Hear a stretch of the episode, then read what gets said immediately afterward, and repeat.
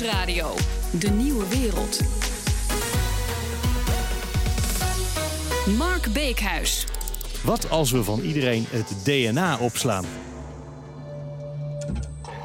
BNR De Nieuwe Wereld. Saartje kwam met deze vraag. Wat als het DNA van iedereen afgenomen, opgeslagen wordt? En daarachteraan kwam dit. Zijn er dan nog genoeg gevangenissen? Smiley.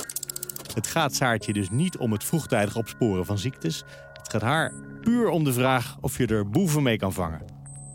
En als de politie in een bepaalde zaak DNA heeft gevonden, en ze hebben die database, dan hebben ze dus altijd een match.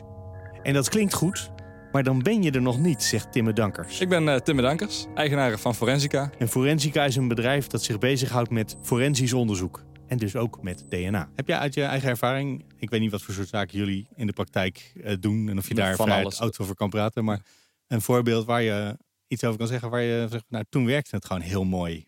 Nou ja, ehm, kijk, eh, vaak is het zo dat als het DNA wordt aangetroffen door het NFI of door de politie, dan wordt daar eh, bekeken van, nou, is het iemand zijn DNA? Maar waar het heel vaak fout gaat, is de interpretatie. Wat zegt dat DNA nou? Het DNA zegt alleen maar van, nou, dat zijn DNA daar zit, maar niet hoe het daar terecht is gekomen. En dat is de delictgerelateerdheid en die is heel belangrijk in een strafzaak. Nou, we hebben wel eens een keer een, een, een, een, brandstichtingzaak gedaan. Waarbij er kleding was gevonden op de vluchtroute van de daders. En op die kleding zat DNA van de verdachte. Dus die werden voor de rechter eh, gebracht, zeg maar. En nou, toen was dus de vraag van hoe is dat DNA daar nou terechtgekomen? Nou, ze hebben waarschijnlijk die kleding gedragen. Maar toen kon die kleding nog niet gelinkt worden aan het plaatsdelict. Want het- dat is mooi dat daar de kleding wordt gevonden op de vluchtroute. Maar wie zegt mij dat dat die kleding is die de daders gedragen hebben? Of hetzelfde hadden de daders gewoon hun kleding aangehouden en lag die kleding er al. Of is die later daar terechtgekomen? Ja. Dus ehm, die delictgerelateerdheid van sporen is heel erg belangrijk. En in dit geval, hoe liep dat af? In dit geval zijn ze vrijgesproken. Maar er is dus wel iemand mee naar de rechter gegaan. Dus het Openbaar Ministerie dacht wel dat ze een zaak hadden. Ja, zeker. Het Openbaar Ministerie dacht dat ze een, een hele sterke zaak hadden. En eh, toen hebben wij de onderzoeken gedaan. En toen hebben wij dus aan kunnen tonen dat er geen link is tussen die kleding Nee. en het delict. Dus ja, als, je, als die schakel ontbreekt, dan eh, ja, is het eigenlijk waardeloos bewijs. Betekent dat ook dat je met alleen dat DNA nooit veroordeeld kan worden?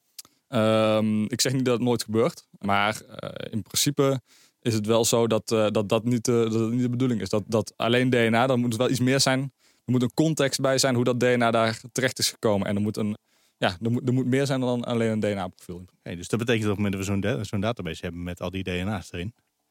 Dat er daarna ongelooflijk veel recherchewerk ineens op de Ja. politie afkomt. Ja, absoluut. Want die hebben dan allemaal mogelijke matches, maar die hebben nog geen verhaal. Nee, nee, dat is inderdaad waar. Ze hebben dan dus een match. En daarna moeten we dus nog gaan kijken hoe past die match nou in het verhaal binnen het delict. Dus ja, Ja, je hebt wel iemand met wie je kan gaan praten om te vragen wat is jouw versie van het verhaal. daarmee kun je dus wel een onderzoek in een stroomversnelling eh, krijgen. Maar het lost nog niet direct een zaak op. Zegt dit iets over hoeveel vertrouwen wij in DNA-bewijs hebben, terwijl het dat misschien nog niet is? Ja, ja er is eh, zeker het eh, eh, politie en openbaar ministerie en soms ook de rechtbank. Die hangen heel veel waarde aan het DNA-bewijs. Terwijl dat niet altijd terecht is. Het komt geregeld voor dat het aantreffen van DNA toch blijkt dat dat niks met de zaak te maken heeft. Zoals bijvoorbeeld bij die liquidatie van, Ja. eh, van die broer Van die- van de ja. kroongetuige. Er is weer een verdachte vrijgelaten van de liquidatiezaak in Amsterdam-Noord... waarbij de broer van kroongetuige Nabil B. werd doodgeschoten. Eerder werd ook al een tuinder uit de Lier vrijgelaten. Zijn DNA was waarschijnlijk per ongeluk op een van de wapens terechtgekomen. Twee anderen zitten nog wel vast. BNR De Nieuwe Wereld. Wat als we van iedereen het DNA opslaan? De andere spreker in deze aflevering van De Nieuwe Wereld is een van de toponderzoekers op dit terrein. Ja, ik ben Manfred Keizer, hoogleraar forensische moleculaire biologie en hoofd van de afdeling genetische identificatie van het Erasmus MC in Rotterdam. En je hoort een licht Duits accent in de stem van Manfred Keizer. Hij verstaat Nederlands, want hij werkt in Rotterdam. Maar hij spreekt toch liever Engels. En dat is goed te volgen, behalve misschien één woord.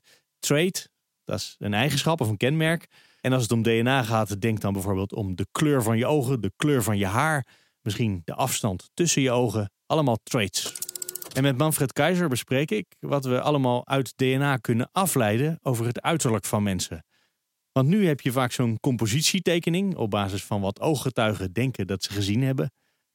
Maar kan dat niet veel beter als je het DNA hebt? In principe zit alles aan ons uiterlijk in het DNA. Zeg ik dat goed? Most of it is indeed, and of course everybody knows this uh, because identical twins that share almost all of their DNA, there for a long period in their life look very much the same. Related people that share some of their DNA look more similar to each other, siblings, parents, children, than unrelated people. Of iemand bruin is omdat hij in de zon heeft gezeten. Dat zit natuurlijk niet in je DNA. En dat geldt ook voor hoe je gezicht in de loop van de jaren verandert. Als je bijvoorbeeld je hele leven buiten hebt gewerkt. Of juist je hele leven op kantoor. Sowieso, hoe je uiterlijk met de jaren verandert, kunnen we in elk geval voorlopig niet uit het DNA halen. En de leeftijd zelf, zit die wel in het DNA? Hou je dat eruit? De leeftijd. There is a, a biological age.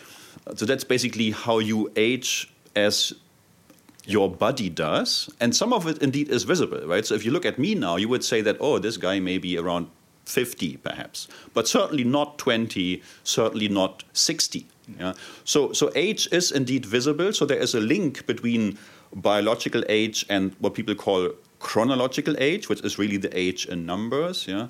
And indeed, um, since fairly recently, people are able to get an idea about age from the DNA. So you can get an idea about how old a person is with an error of uh, four or five years, that doesn't really tell you how old the person looks. Yeah, so that's still something that is in the research. So we are interested in this uh, because obviously there are some people that look much younger or also can look much older than they are.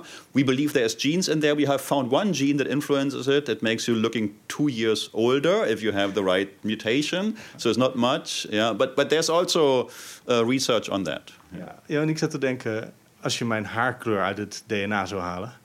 Ja, dit is niet het hele witte blond wat ik had toen ik twee was. Het is ook niet het uh, wat donkerdere wat ik de jaren daartussendoor had. Ja. En inmiddels, dat, dat zit er misschien wel weer in, is het best wel weinig.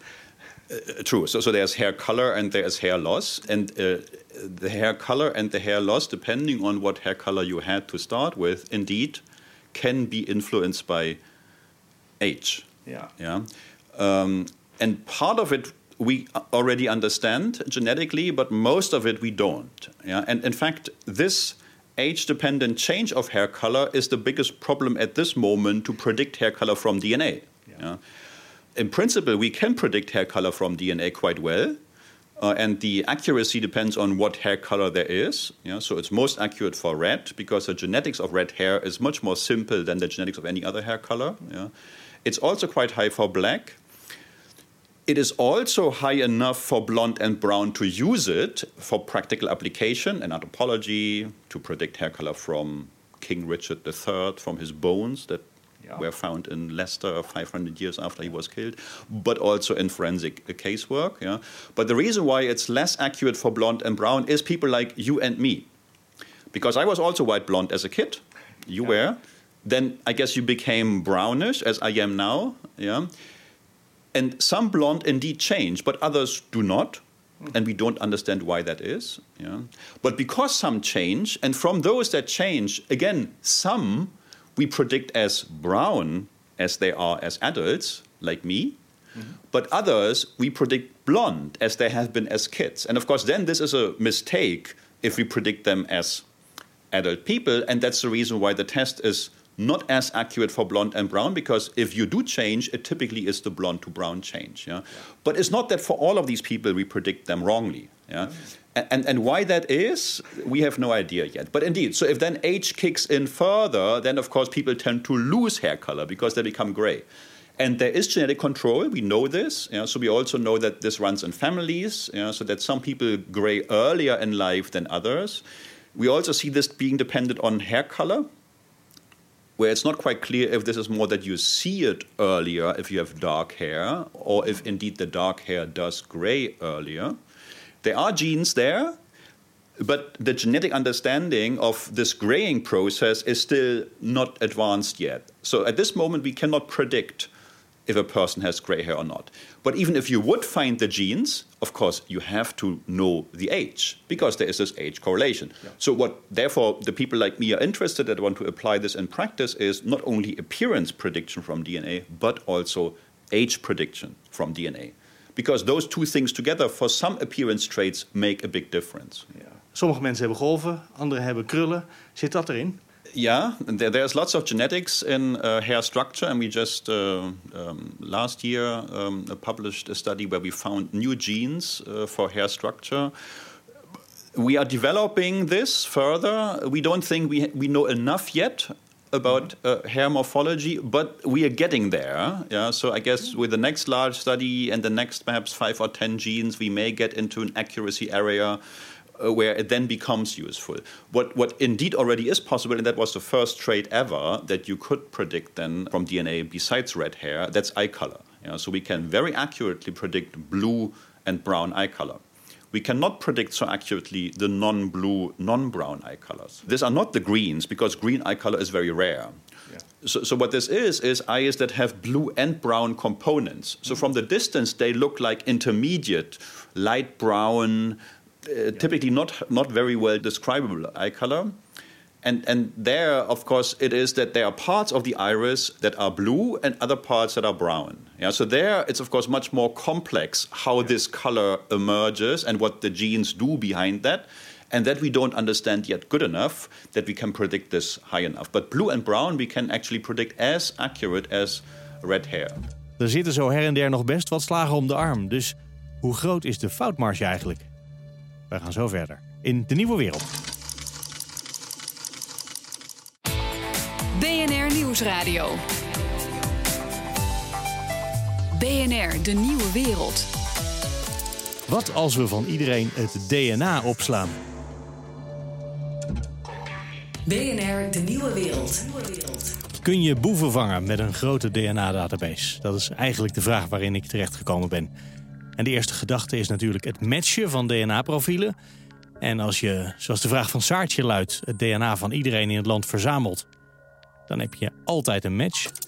Met Manfred Keizer, hoogleraar forensische moleculaire biologie, zit ik nu op een ander spoor. Namelijk kunnen we in dat DNA lezen hoe iemand eruit ziet. En de kleur van de ogen, dat gaat redelijk. Het haar, dat lukt aardig.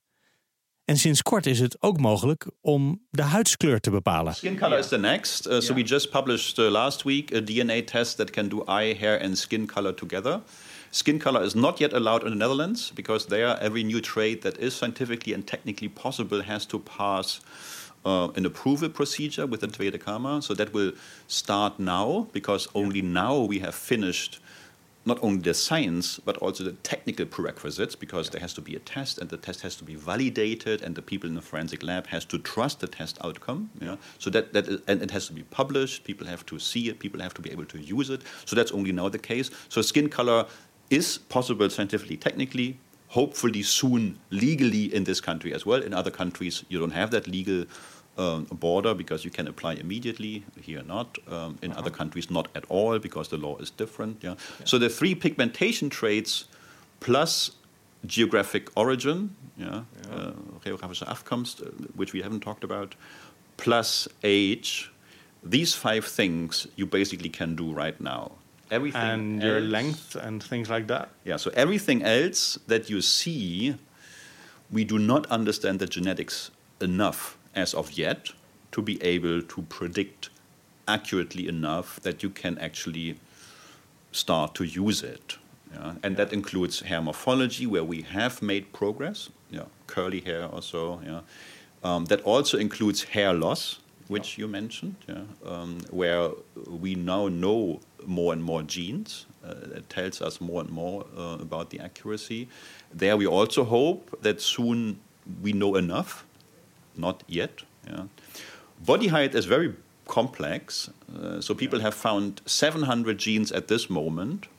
They explain 16, one six percent of the highest variance in the 250,000 people that were analyzed in that study. Yeah. 16%. How much do we expect to be in the genes for body height from these heritability estimates? It's around 80, 80%. Okay. Yeah.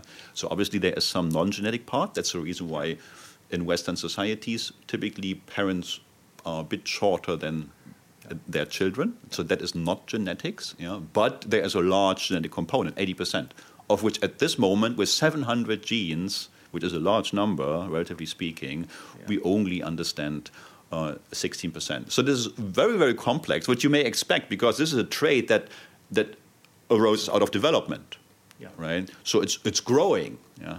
I mean, your eye color you basically have from birth, well, not everybody. So there's a bit of a delay in the first couple of weeks that some uh, blue eye babies become brown, but after a couple of months, the eye color is there for the rest of your life. Yeah. And, and that makes a difference. Maar hier komen we aan de grenzen. In elk geval de grenzen voor dit moment. Want iemands lengte is al heel lastig, al zou dat voor 80% in het DNA moeten zitten. Maar de vorm van je gezicht, dat is voorlopig echt nog een stap te ver, zegt Keizer. There is a company in the US that sells to law enforcement that they can do this. Yeah. The trouble is that they don't publish anything what they do. Yeah.